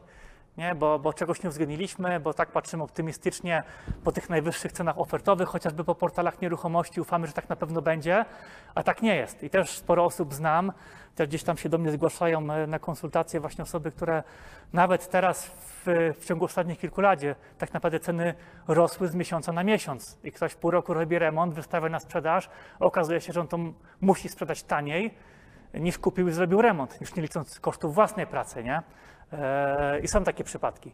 Więc kalkulacja jest e, no, bardzo istotna, tak? Żeby to zrobić dobrze, żeby nie popadać w jakiś zbytni optymizm, nie? Zawsze trzeba sobie założyć, że coś będzie dłużej, że coś będzie drożej, zawsze trzeba sobie założyć pewną rezerwę, założyć sobie plan B, plan C, a co będzie, jeżeli nie wiem, to i to mi nie wyjdzie. Nie można kalkulować biznesu, kalkulować inwestycji na, na podstawie tylko tego jedynego, najlepszego e, scenariusza, który nam jakby tam w głowie siedzi i wydaje nam się, że e, tak chcemy zrobić i tak na pewno zrobimy, nie? Ja sam inwestując e, wielokrotnie robię tak, że ten scenariusz mam gdzieś tam wyważony tak po środku, a potem się okazuje, że tak, to co najbardziej optymistycznie chciałbym zrobić, czyli jedna, druga, trzecia rzecz, udaje się, wychodzi i ta inwestycja Okazuje się, że jest, nie wiem, 10-15% rentowność lepsza niż, niż mi się, niż kalkulowałem w tym moim takim najbardziej realnym e, założeniu. Em, dobra. E, no, flipy czy wynajem, no to też może tutaj króciutko powiem, bo to są dwie różne strategie. E, no i też często jest taki spór, nie? Co jest lepsze? Czy flipowanie, czy wynajem? Nie wiem, jak wy uważacie. Czy macie właśnie zdanie, czym się lepiej zajmować? E, No, to są dla- mnie te strategie, e, po prostu one są różne. To nie jest tak, że nie wiem, lepiej flipować, lepiej wynajmować. E, Jedna i druga rzecz polega na czymś innym. I to, co ja teraz robię, to po prostu mieszam jedną strategię z drugą. Na początku, oczywiście, kiedy kapitału nie miałem, to zajmowałem się praktycznie no, tylko flipami, po to, żeby no, skumulować sobie ten kapitał, żeby go uzbierać, e, a poza tym bardzo mi się wtedy chciało pracować, uwielbiałem biegać po tych nieruchomościach, uwielbiałem się uczyć, uwielbiałem robić coraz trudniejsze transakcje, e, coraz bardziej skomplikowane i to mi dawało masę radości, więc wtedy tak naprawdę o wynajmie w ogóle nie myślałem. E, Miałem taki tam zaraz z początku epizod, że kupiłem e, garaż, e, znaczy w sumie to było miejsce po prostu w hali garażowej. E, Ja to wynajmowałem przez 10 miesięcy i tak mi irytował ten mały dochód z wynajmu, że po 10 miesiącach sprzedałem to, nie? E, I stwierdziłem, że ja nie będę wynajmował, no bo, bo po co jak tak mało się na tym zarabia. E, No i ale po latach doszedłem właśnie do wniosku, że z pozoru właśnie tak jest, nie? że ten wynajem to jest tak, tak malutko, ale bardzo regularnie. Nie? To jest tak, że jak raz zrobimy sobie taką inwestycję, wynajmiemy ją, no to może być tak, że na kilka lat nawet o tym mieszkaniu możemy zapomnieć. Nie? Mamy swojego najemcę, regularnie nam płaci i tak naprawdę małą łyżeczką, ale stale i non-stop te pieniądze nam przybywają. A tak jak już też mówiłem, no chociażby amortyzacja i umniejsza nam podatki, wynajmujemy, zarabiamy, e, nie płacimy podatków, więc no wynajem jest fajny pod tym względem, że, że ten dochód mamy, czy pracujemy, czy nie pracujemy, no to, to taka zawsze jest. Przy flipach, przy jest właśnie zupełnie odwrotnie. E, Dochód jest bardzo nieregularny. Oczywiście są to często bardzo duże strzały po kilkadziesiąt tysięcy złotych, ale za każdym razem, żeby zarobić, musimy pracować, tak? Zrobimy flipa, byśmy chcieli sobie zrobić pół roku przerwy, no to, to co? To po prostu wiemy, że przez pół roku nic nie zarobimy. Przy wynajmie robimy pół roku przerwy, gdzieś na pół roku wyjeżdżamy, no ta kasa dalej nam spływa do kieszeni, nie? Ona jest mniejsza, ale stała, regularna, e, a przy flipach niestety nie. No i też jest minus taki, że nie wiemy, nie? Czy, tego, czy, te, czy tego flipa znajdziemy, znaczy inwestycje na flipa znajdziemy, e, nie wiem, w ciągu tygodnia, miesiąca, dwóch miesięcy. Ja też mogę Wam taki przykład podać właśnie e, mój, no całkiem niedawno, tak? E, Pod koniec zeszłego roku też zacząłem e, szukać kamienicy. E, Upatrzyłem sobie bardzo fajną kamienicę. Sama powierzchnia tam w sumie użytkowa, bez piwnic, to ponad 2300 metrów. I to też właśnie kupiłem z zamiarem późniejszej odsprzedaży pojedynczych mieszkań, oczywiście po odpowiednim przerobieniu. No i wydawało się, że tak, no sprzedający wiedziałem po ile chcą sprzedać, tak, było sześciu współwłaścicieli. E, ponad miesiąc czasu poświęciłem na przeanalizowanie tej inwestycji, bo to była kamienica, gdzie część, no w większości zamieszkała, ale, ale wiele lat nie było nic zrobione, tak? I jeszcze był duży problem, żeby tam w ogóle, nie wiem, wejść na strych, żeby zobaczyć, sprawdzić wszystkie instalacje, w ogóle dokumentów e, nie było tej kamienicy, więc miesiąc czasu mi zajęło, żeby z całym tam moim zespołem specjalistów poszczególne elementy zbadać. E, W banku już też e, miałem biznesplan, tak, już miałem finansowanie załatwione praktycznie. No i kiedy wydawało się, że ta transakcja wyjdzie, tak, że tą kamienicę kupię, no to nagle sprzedający wycofali się, tak. E, Sześciu współwłaścicieli, którzy tam od 10 lat spór w sądzie między sobą toczą, niby doszli w końcu do wniosku, że okej, sprzedajmy to razem, podzielmy się proporcjonalnie do udziałów, no a nagle, nagle nie. Dwóch jest tak skonfliktowanych ze sobą, że mimo, że mieli gotowego klienta, mimo, że mieli dostać tyle, ile chcieli, no to nagle transakcji nie ma, nie? Dwa miesiące zwodzili praktycznie, no i pod koniec stycznia okazało się, że, że transakcji nie będzie, nie? No więc tak z tymi flipami właśnie jest, nie? Że możemy długo szukać, możemy mieć fajną inwestycję, możemy analizować, możemy chcieć kupić, a no mi, u mnie minęło 3,5 miesiąca i niestety cała praca jest na marne. Znaczy, no nie na marne, no bo oczywiście też paru rzeczy dodatkowych się nauczyłem, no a, ale po prostu nie przyniosła efektu i nie ma nieruchomości, nie? A koszty się ponosi. no bo z tego co mówiłeś, ponad 40 e, nieruchomości na wynajem, więc tutaj się domyślam, że posiłkujesz się pewnie bardzo dużą dźwignią kredytową, tak, jeżeli, o to chodzi. Aby, czy, czy masz takiego strachu, że na przykład, nie wiem, e, sko, skoczą procentowe, o którym mówiliśmy, bo teraz było z tymi studentami i tak dalej, i nagle w pewnym momencie to urośnie o tyle, że ci się przestanie to wszystko spinać i co wtedy, nie? No to by teraz musiał być to ogromny wzrost e, stóp procentowych chociażby, jeszcze połączony, nie wiem, z jakimś dziwnym odpływem ludzi z Poznania, e, czyli skumulo- musiałoby się skumulować dwie rzeczy, to, że nagle mi się te nieruchomości przestają wynajmować, z tym, że stopy procentowe by wzrosły, ale, ale pytanie, no do ilu one mogą realnie wzrosnąć, nie? E, nie wiem, będą na poziomie 5%, ja ciągle zarabiam. Będą na poziomie, nie wiem, 8-9, też będę ciągle zarabiał. Przy obecnych stawkach wynajmu, nie? Czyli masz to skalkulowane, że zarabiasz na tyle dużo, Tak. że jesteś no po prostu bezpieczny. To jest podstawa. To jest podstawa. Są ludzie, którzy, nie wiem, kupują na przykład kawalerki yy, i mówią, byleby się ta rata kredytu spłacała, tak? Mi się to spłaca, gdzieś tam, nie wiem, córka, syn będzie dorosły, to może sobie tutaj zamieszka, tak? Yy, I teoretycznie, nie wiem, płacą 1500 raty, 1550 mają z wynajmu. No i liczą, dobra, te 50 jest na górkę, nie? No to to jest ogromne ryzyko, zwłaszcza przy obecnych stopach procentowych. To jest tragedia, nie? To, to taka inwestycja to jest totalna porażka. Wystarczy, że lokator ci jeden miesiąc nie płaci. Albo wystarczy, że przez, nie wiem, miesiąc, dwa, trzy nie możesz wynająć takiej nieruchomości. To jest coś już bardzo dużo w plecy. Więc robienie takiej inwestycji, no to jest dla mnie głupota. Ta inwestycja musi być na tyle skalkulowana, że jak nagle, nie wiem, za miesiąc stopy procentowe będą wynosiły 5%, no to ja nadal znakomicie zarabiam, ja się nie przejmuję. Dalej mogę nic nie robić i dalej tylko żyć sobie z wynajmu yy, i mnie to nie rusza, nie? Oczywiście czuję to finansowo, bo zarabiam mniej, ale zarabiam na tyle dużo, że, że, że i tak wychodzę bardzo dobrze ponad raty kredytu. Czy nie odczuwasz trochę czegoś takiego, że im bardziej flipowanie jest modne, im więcej osób idzie, tym te inwestycje są coraz mniej bezpieczne i, i coraz mniej zarabiasz? Znaczy nie mniej bezpieczne, ale mniej, mniej dochodowe, tak. Tylko tak mówiłem, że jeżeli działasz na rynku, w którym działają wszyscy, czyli na takim rynku powiedzmy masowym i tak jakbyś się zajął teraz wielką płytą, no to faktycznie tak jest. Kiedy ja to robiłem 10 lat temu, to raz, że robiło to bardzo mało osób, to ja od razu zająłem się też nieruchomościami trudnymi, których no, no nikt nie chciał jakby robić, tak? Więc y, nie w najprostsze, takie, gdzie idziesz sobie z ogłoszenia, widzisz mieszkanie i ty potem z, nie wiem, z dziesięcioma w drzwiach się bijesz o cenę i podbijacie się nawzajem. No, tylko po prostu musisz sobie taką niszę wyszukać, że jest tam mało osób. A jest tam mało osób dlatego, że przykład to jest bardzo trudne albo skomplikowane. Albo nie ma takiego szkolenia.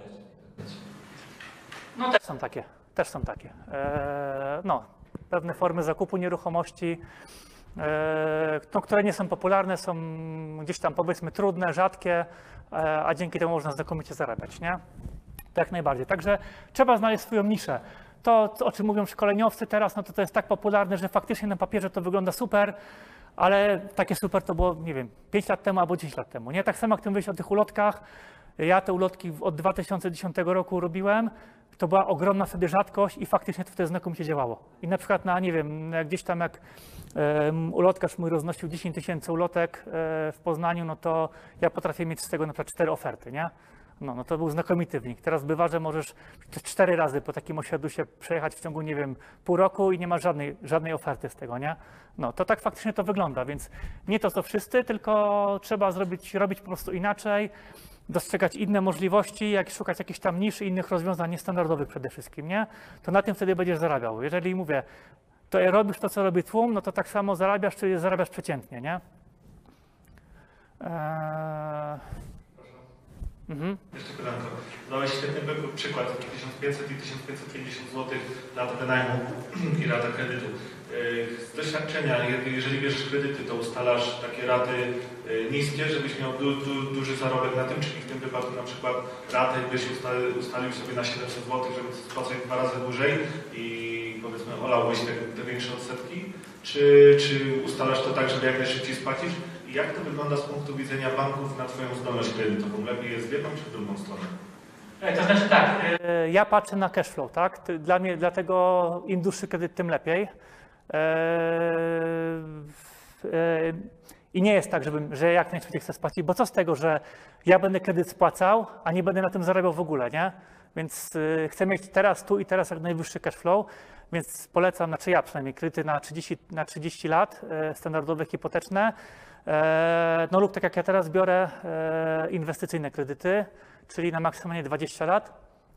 E, A jak banki na to patrzą? No, na kredyty inwestycyjne, jeżeli masz dobry biznesplan, e, pokazujesz w banku, że wiesz, co robisz i wiesz i pokażesz, że to rzeczywiście będzie działało tak, jak przedstawiasz, no to nie ma problemu z kredytami generalnie, nie? Też, znaczy generalnie no, przy inwestycyjnych banki też patrzą na inwestora.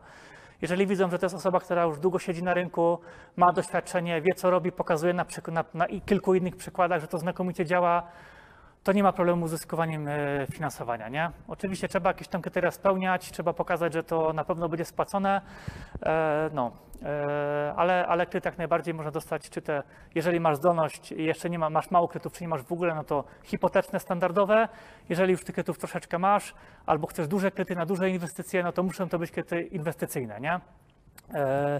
No, a ja nie planuję nigdy, że będę kredyt, spłacał 20 albo 30 lat, bo tak już powiedziałem wcześniej, te nieruchomości mam na określoną liczbę lat. Na dzisiaj jeszcze nie wiem ile, to zależy jak się będzie rynek rozwijał, ale na pewno sprzedam je wcześniej, nie? Więc spłacam ten kredyt, no i będzie trzeba kupić coś innego, bo yy, właśnie, no to, to, to, to, co też jest fajne przy wynajmie. Mogę też podać przykład e, mieszkania, które ja kupiłem w sumie dla siebie e, w 2012 roku i sprzedałem je po 6 latach. E, to tak. E, mieszkania wynajmujecie, zarabiacie na wynajmie. Zarabiacie na wynajmie, spłacacie też odsetki od kredytu i kapitał, i ten kredyt wam się zmniejsza. Z roku na rok jest coraz, coraz mniejsza kwota do spłaty. E, No, na bieżąco wam kasa do kieszeni wpływa właśnie związana z wynajmem nieruchomości, a dodatkowo mówię, zmniejsza się ten kapitał, czyli to, co musi oddać do banku. No i trzecia rzecz, w długiej perspektywie ceny nieruchomości też zwykle rosną. Nie jest tak zawsze, bo są jakieś tam wahania, ale w perspektywie na przykład tej, której miałem, czyli sześcioletniej od 2012 roku, no to ceny cały czas rosły. Więc tak, mimo że zarabiałem na wynajmie, mimo że musiałem coraz mniej potem oddawać z kredytu, po 6 latach tą nieruchomość sprzedałem e, i zarobiłem, znaczy kupiłem za 360, sprzedałem za 400, e, tak, 480 tysięcy. I ja praktycznie w tej nieruchomości nic nie robiłem, ona od momentu zakupu tylko jakieś tam meble powstałe w, e, włożyłem e, jeden pokój przydzieliłem na pół, no i ona była wynajmowana. No i tak to wygląda, nie? Czyli kredyt, który wziąłem, musiałem oddać dużo mniej do banku, cena sprzedaży była dużo wyższa niż ja kupiłem, także no, na, na, na kilku jakby polach macie tak naprawdę zarobek, nie? Dobra, tutaj był przykład flipa, eee, to może to pominę, mamy trochę mało czasu, to o flipach raczej wiecie, jak to się robi. Pokażę też, jaki mam ten standard mieszkań na wynajem. Eee, o, to, to może tutaj tylko się skupię na, na liczbach akurat. Tutaj był e, nieruchomość i to też właśnie nie jest prawdą, że musicie być zaraz pierwsi na nieruchomości, że musicie się jakoś tam ścigać, że musicie mieć jakieś programy, które wyszykują wam oferty, zanim klient wklepie do internetu, tak, że już wiecie, że on to będzie sprzedawał. Nie do końca tak jest. Ta nieruchomość, e, pan, który to mieszkanie posiadał, on e, kilka lat próbował tą, tą nieruchomość sprzedać. No i nikt normalnie na rynku nie chciał tego kupić. Ja tak naprawdę tutaj już niewiele wynegocjowałem, bo 10 tysięcy złotych. No ale wiedziałem, co z tą nieruchomością zrobić, nie? E, Doskonale znałem ten rejon Poznania, znałem to osiedle, wiedziałem, kto tam mieszka, więc w specyficzny sposób po co to mieszkanie przerobiłem, dokładnie pod takie osoby, e, które na, tych, na tym osiedlu kupują, tak? Tu taka, było takie osiedle modne dla młodych osób z dwójką, trójką dzieci. No więc e, przerobiłem na tam malutkie sypialnie, one miały tam, e, jedna nawet miała 6 metrów do chyba do 11, trzy sypialnie, salon z kuchnią, Z racji tego, że w budynku w ogóle nie było mm, komórek lokatorskich, piwnic, to też w mieszkaniu wydzieliłem takie pomieszczenie gospodarcze. e, No i bez żadnego problemu e, mieszkanie sprzedało się za 360 tysięcy złotych, nie? E, No, więc dochód 70 tysięcy na mieszkaniu, które kilka lat wisiało w internecie, a nikt tego nie chciał, nie? Więc tak, tak też można e, podziałać. No minusem w sumie tutaj e, E, Ten pan nie mógł mieszkania sprzedać jeszcze też z paru innych względów, dlatego że no, to był taki już, znaczy no, że w średnim wieku facet, samotny, miał ogromny bałagan w tym mieszkaniu. E, nawet jak ktoś tam przychodził to mieszkanie oglądać do zakupu, no to nie wiem, by, było on tak ja przedem, tak, trzy worki na śmieci w, w, w kuchni stały, wie, to, to wszystko śmierdziało.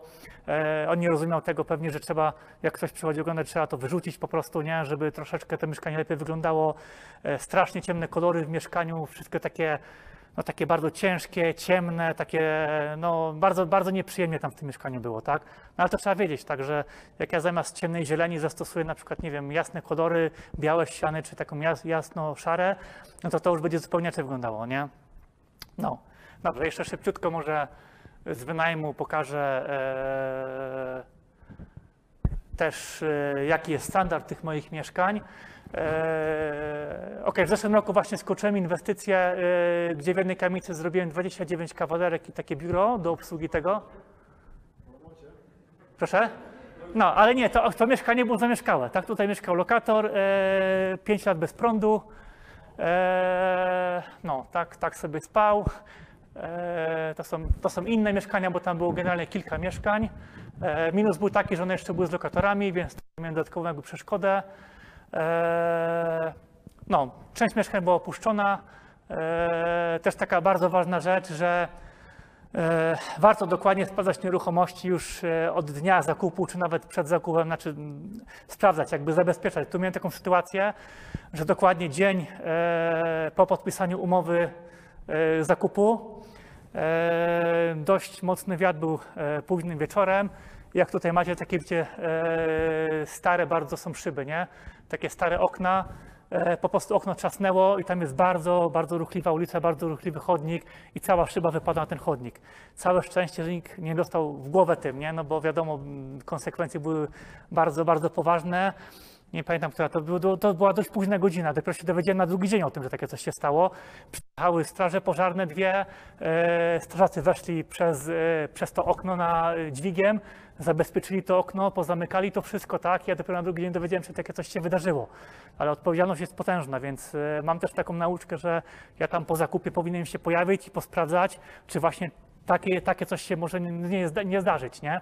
Bo no, nie wyobrażam sobie, co by było, gdyby ktoś teraz przychodził i taką szybą z czwartego piętra w głowę dostał, nie? No. Eee, więc tak najczęściej wyglądają mieszkania, które kupuję, czyli E, strasznie wyglądają, ja bardzo lubię teraz kamienicami się zajmować. E, no, a tak wyglądają takie mieszkania po remoncie, nie? Czyli ja w standardzie daję pełne umeblowanie, e, wyposażenie nawet e, z telewizorami. E, taki standard, który jest powyżej, powyżej średniej. Nie są to duże mieszkania, małe kawalerki zwykle, ale ładnie wyglądające. No, też spełniają swoją funkcję, także taki lokator wszystko ma w pakiecie, e, chociażby, no mówię, telewizję, internet. E, no, oj, coś tu się kliknęło. No, ale tak wygląda, nie? Mniej więcej. No i za takie mieszkania spokojnie można brać powyżej stawki rynkowej.